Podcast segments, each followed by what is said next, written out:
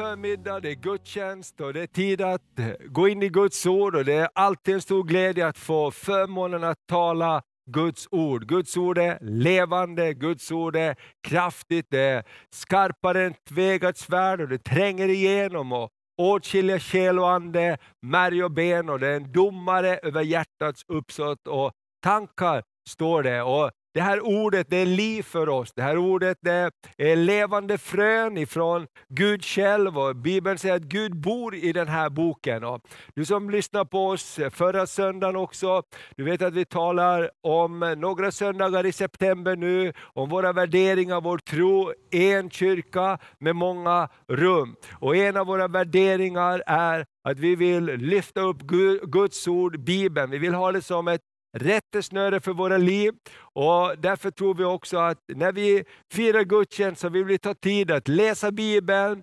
och eh, eh, låta Guds ord komma till oss. Och har du din Bibel med dig så plocka fram den, har du din telefon så stäng av alla andra grejer och så slår du upp bibelappen eller vad du har. Och så ska vi ta en stund och prata om eh, vad Herren vill lära oss idag. Och vi ska be tillsammans först. Jesus, tack att du är här mitt ibland oss, för du har lovat att alltid vara här. Och tack att du öppnar Guds ord för oss också. Jag ber att du hjälper mig att tala med de ord du vill ge oss, så att vi får bli uppbyggda i vår tro idag. Jag tackar dig för att du älskar oss så mycket och du har sänt oss ditt ord och ditt ord lever. Och vi vill ta emot ditt levande ord idag. I Jesu namn. Amen. Eh, förra söndagen så pratade vi om eh, olika ingredienser som är viktiga för att vår tro ska växa. Och Den första ingrediensen den var att vi behöver ljus. Allt som lever behöver ljus. När höstmörkret och vintermörkret är över, speciellt här i Norrland, och när vårljuset börjar komma, då börjar det gro och spira och växa och vi känner att ljuset gör någonting. Och Tillsammans med ljuset så behöver vi också värme. När det är kallt så kryper man ihop, men när värmen kommer, när Guds kärlek kommer, när Guds atmosfär kommer. Och någon sa så här, att, att väckelse det egentligen handlar om atmosfär. Och, och, Guds kärlek, Guds godhet, den drar oss till bättring. Och vi tror på att kyrkan ska vara en plats där vi övervinner det onda med det goda, där värmen finns. Och vi ska alla hjälpas åt att sprida värme och förlåta varandra precis som Jesus bad eh, oss och lärde oss att be Fader vår, förlåt dem som oss skyldiga äro.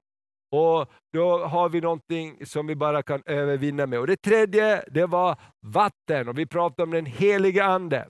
Vi pratade om ljuset som Guds ord, vi pratade om värme som Guds kärlek och vi pratade om vattnet som den helige Ande.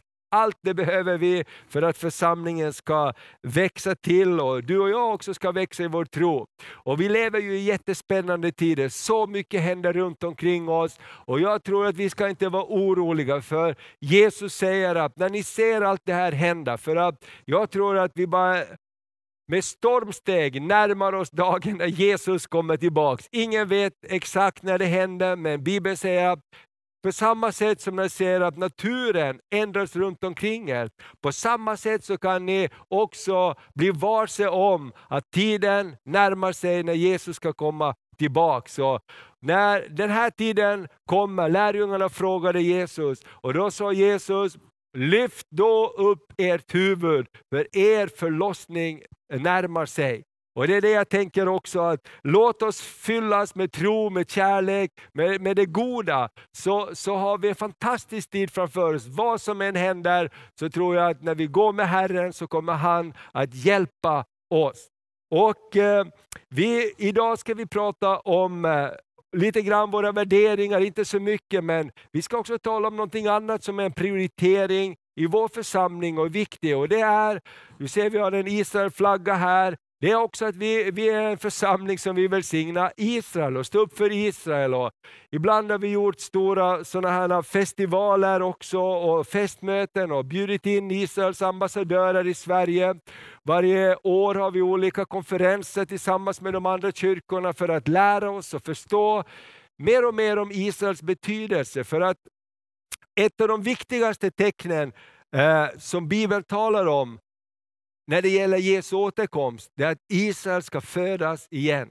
1948 så blev efter, andra, efter första och andra världskrigets fruktansvärda händelser, så blev Israel föddes den nation som heter Israel. Och, och, och eh, Jesus eh, ska komma tillbaka till Israel, ställa sina fötter på Oljeberget. Jerusalem är Guds stad, den heliga staden. Och därför är det så mycket krig kring den staden hela tiden. Så salta salmen uppmuntrar oss, salta salmen 122, önska Jerusalem fred. För dina bröders skull, för dina familjs skull, för din välgångs skull. Önska Jerusalems frid. Och Det betyder inte att vi är emot araber. Vi älskar alla människor, för Gud älskar araberna, Gud älskar judarna. Men jag tror att vi behöver förstå att vi har judiska rötter. Jesus Kristus, han som dog på korset, han gjorde det i Israel. Han gjorde det Utanför Jerusalem restes ett kors. Han föddes i Betlehem.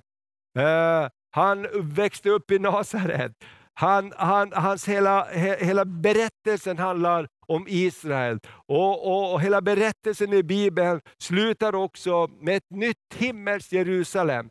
Därför kan vi aldrig hoppa över det. Och Idag när vi pratar om givande också så kommer vi att knyta tillbaks till Eh, Eh, berättelsen som kommer faktiskt från den judiska historien. Och idag är det väldigt krig kring eh, eh, det här och, och, vi vet att antisemitismen den, den finns fortfarande. Och Jag tror att bara vi som kristna vi behöver stå upp för Israel, välsigna Israel. Och på samma sätt så betyder det inte att vi står emot alla andra, men vi tar den ställning som Gud har gett oss och det uppdrag att be och välsigna Israel på största allvar. Som du hör så är jag från Finland. Jag, mitt uttal dröjer mig. Jag har bott här 22 år i Sverige men fortfarande hör man att jag inte är född där. Jag är född i Finland och jag har lite kvar av den dialekten. Vissa tycker ganska mycket, andra mindre. Men i alla fall, när det är landskamp hemma i soffan, när det är ishockey, då så har vi olika läger i vår familj. Vissa hejar på Finland, andra hejar på Sverige. Men bara för att jag hejar på Finland kanske i ishockey betyder inte att jag hatar Sverige. Jag älskar Sverige. Min fru är från Sverige, min familj är här, jag bor här, jag älskar Sverige.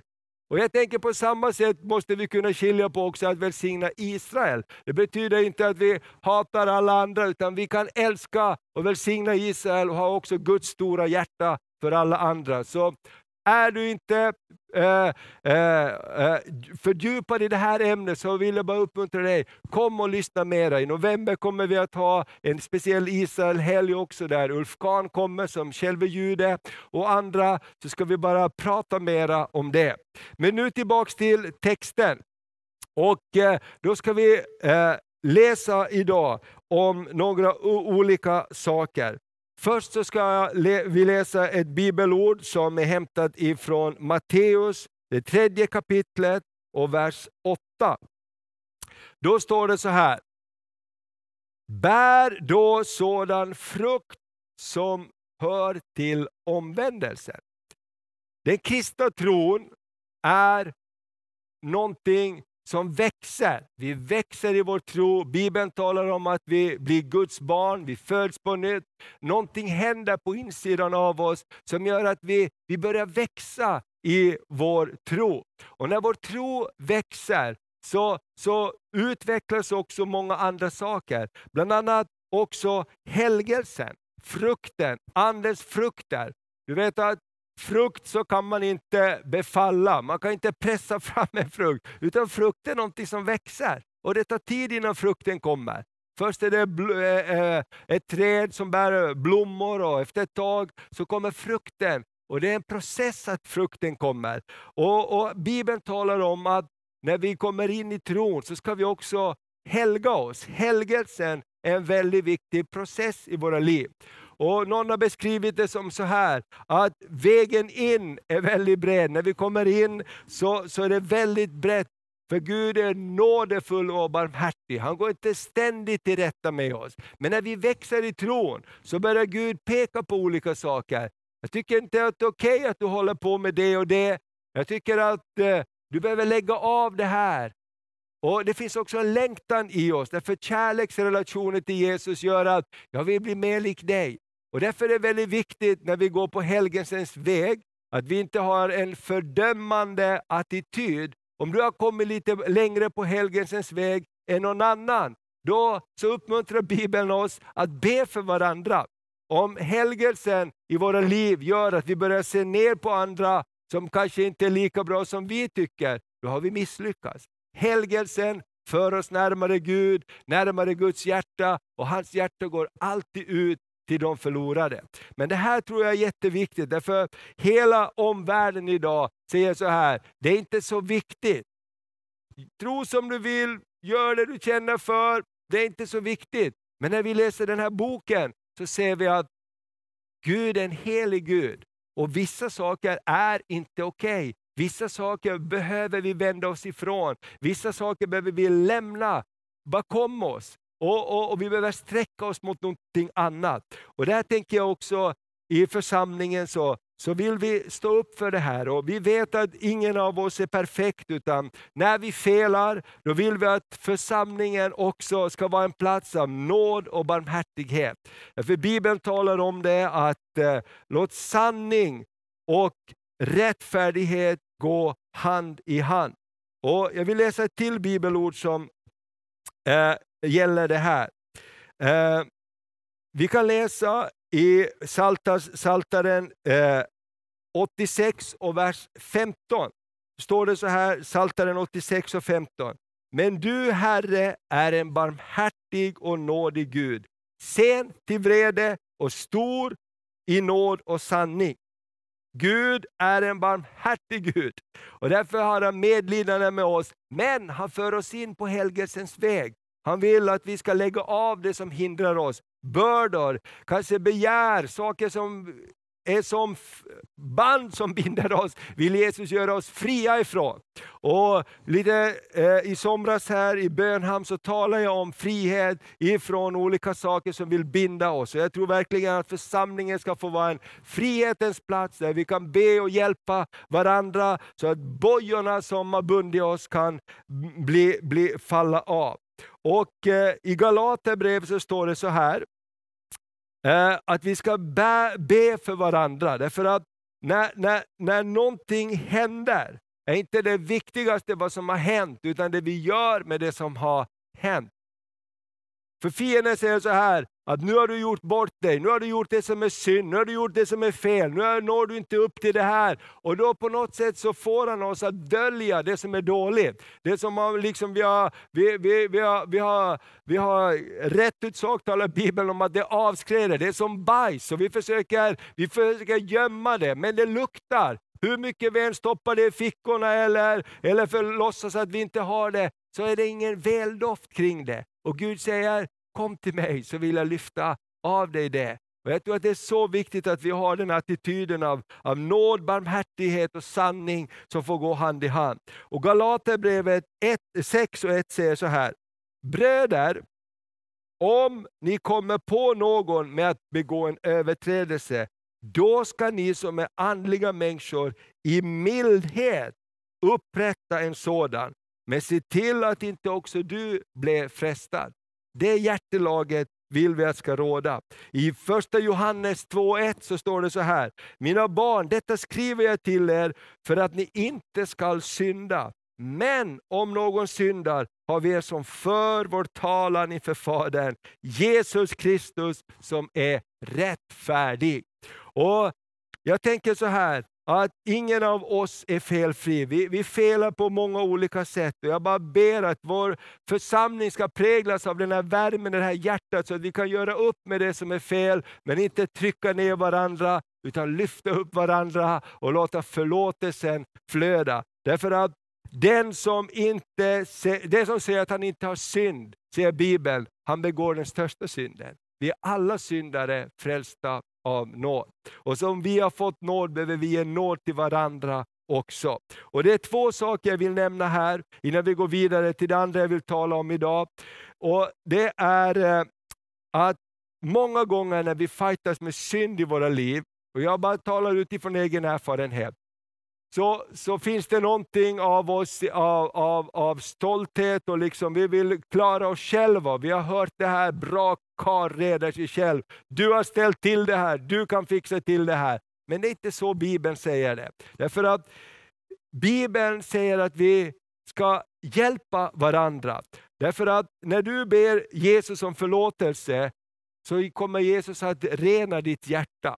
Men vi är mycket mer komplexa varelser än så. Vi är sociala varelser, vi har tankar, vi har olika saker. Och varje dörr som lämnas öppen så kommer fienden att komma tillbaks.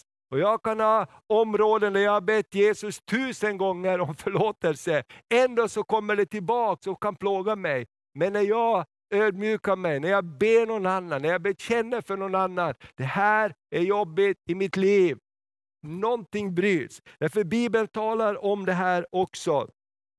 Eh, att vi, i, I första Johannes 1 och 7-9 så står det så här, om vi bekänner våra synder så är han trofast och rättfärdig så att han förlåter oss våra synder. Och på ett annat ställe står det, bekänn för varandra. Och jag tänker så här, jag önskar och min bön är att församlingen ska präglas av en atmosfär av förlåtelse, frihet och glädje, där vi kan be varandra om hjälp. Och sitter vi fast i någonting, så gå inte själv, snälla älskade vän.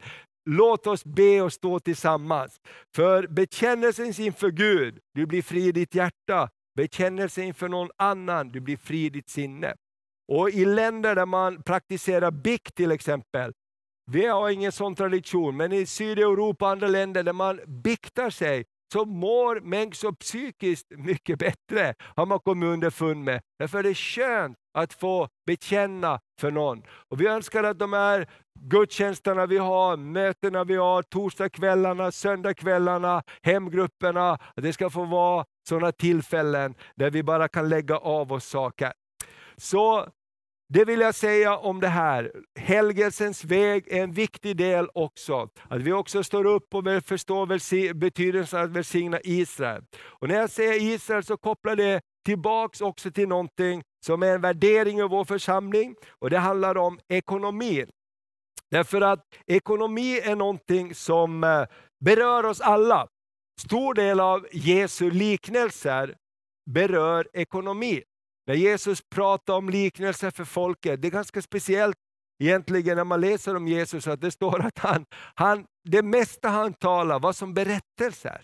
Han berättar olika berättelser om om, om, om kvinnan som tappade sitt mynt och mannen som hittade en pärla och gick bort och sålde allt vad han äger för att få köpa den åkern där pärlan var, för det var någonting som var mycket dyrbarare. Det finns I Lukas evangelium står så många liknelser och berättelser i de andra evangelierna. Och eh, Många av de här berör ekonomin. En var också att Jesus eh, han eh, satt och såg på när folk gav i offerkistan och han sa, se där till sina lärjungar, där kommer en kvinna och hon ger mycket mer än alla de andra, fast egentligen ger hon mycket mindre som det ser ut, men hon ger ifrån sitt hjärta, hon ger det hon har. De andra ger bara lite grann av sitt överflöd. Och folk förstår precis vad Jesus talar om. Så ekonomin är någonting väldigt viktigt. Och jag, jag, jag vill vara frimodig därför att jag har lärt mig sedan jag var barn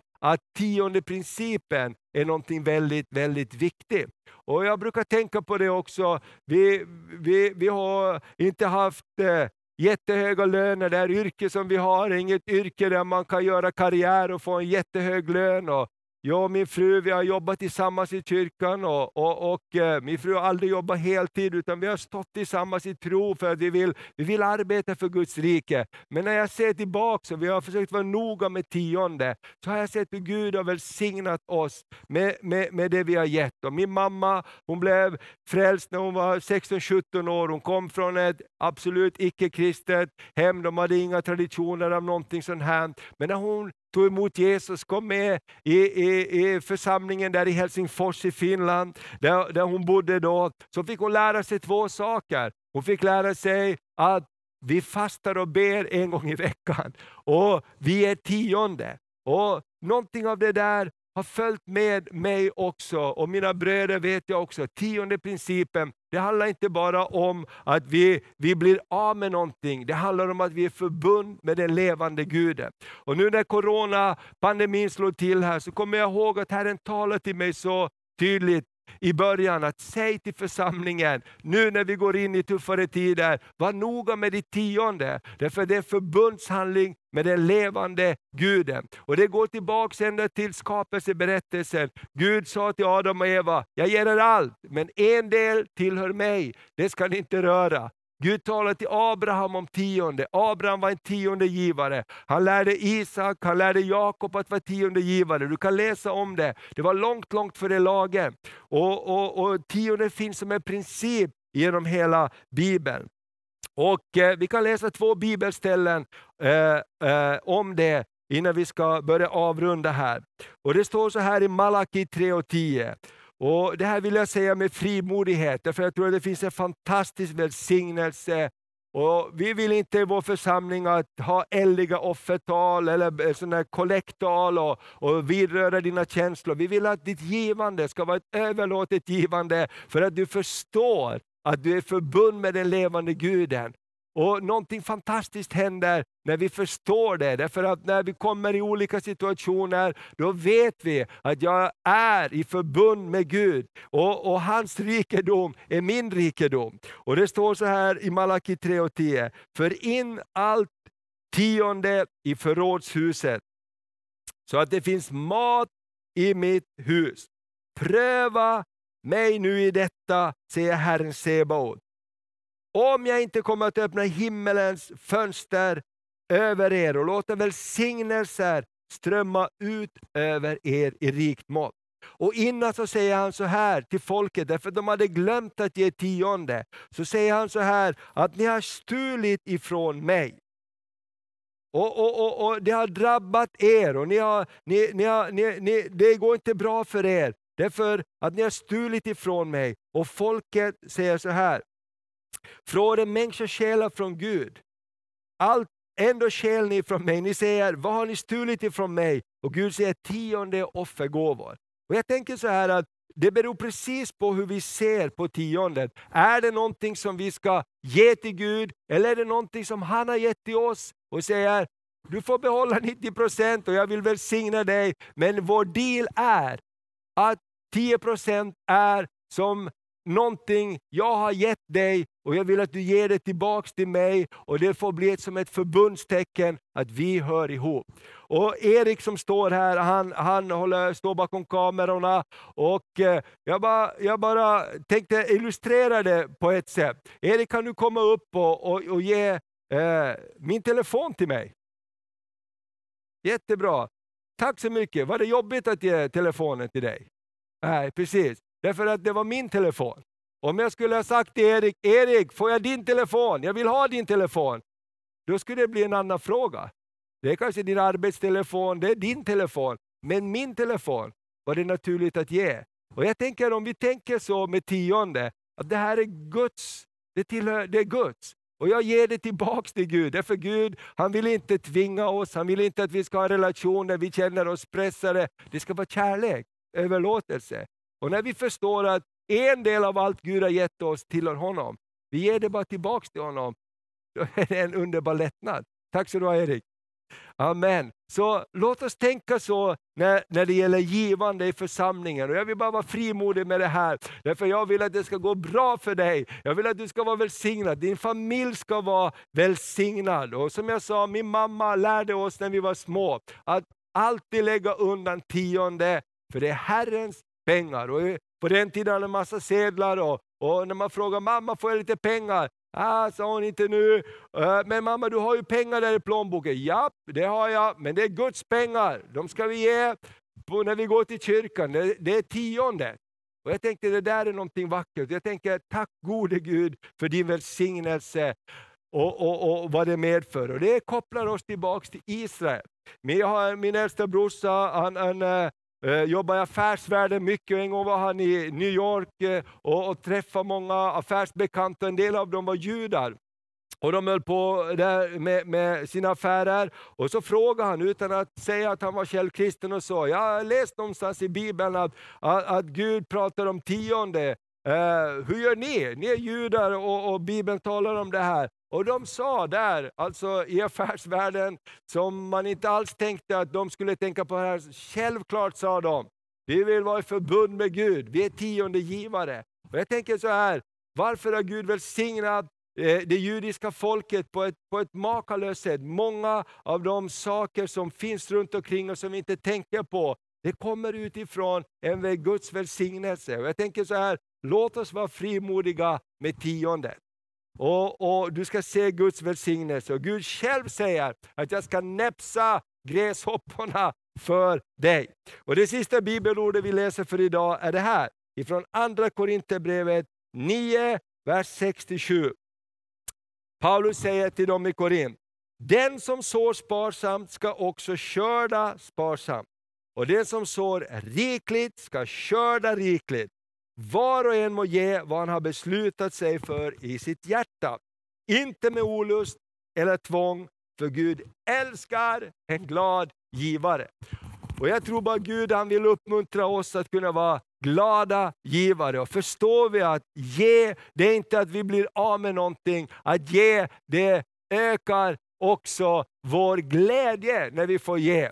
Och eh, med det så vill jag bara säga att det är några av våra värderingar och det är så faktiskt hela kyrkan fungerar. Och jag är så tacksam och glad för alla som är med och ger på olika sätt och, och, och bara gör att Guds verk eh, bärs framåt. Och jag vill bara avsluta med en berättelse. Nu står vi också inför ekonomiska utmaningar när vi ska bygga om parken där, men jag bara tror att Gud har alla, alla pengar som behövs och Gud vill använda dig och mig. Och, och så kommer vi att göra någonting vackert till Guds ära på den här platsen.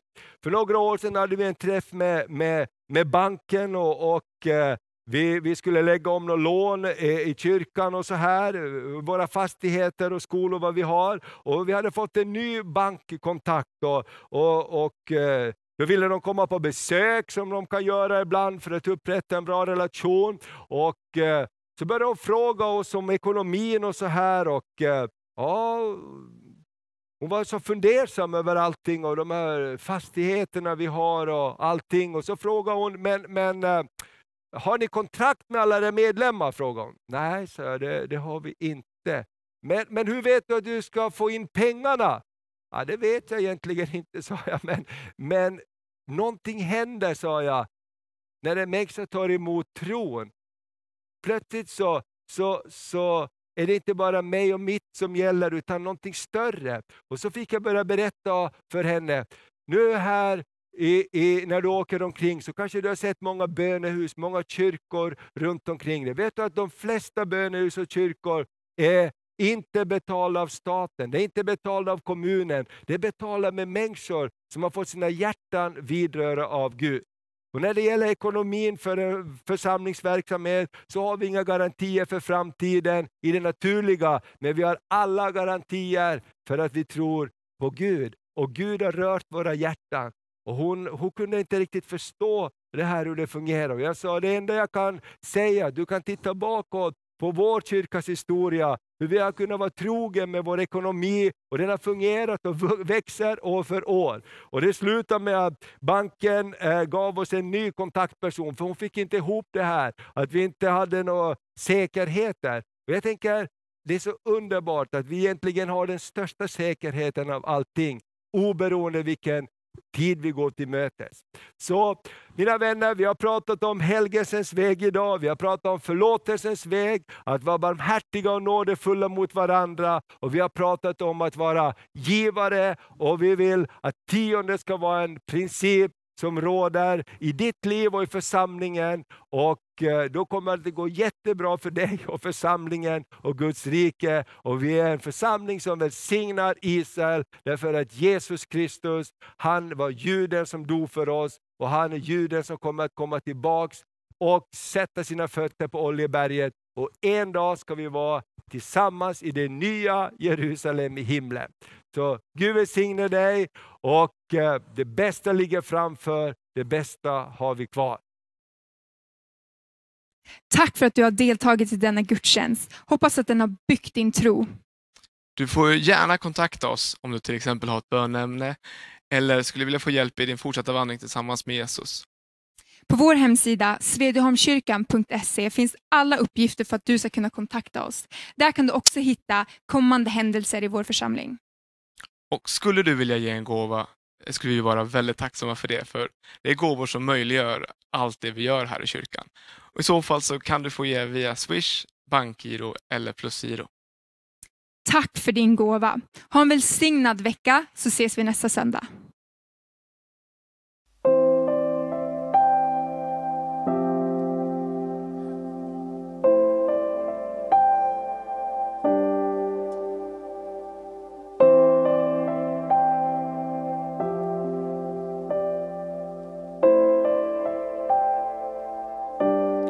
Saliga visshet Jesus är min. Himmelens glädje. Nu fyller mitt sinn. Född av hans ande. Ren i hans blod. Förtrösta styrka och mod.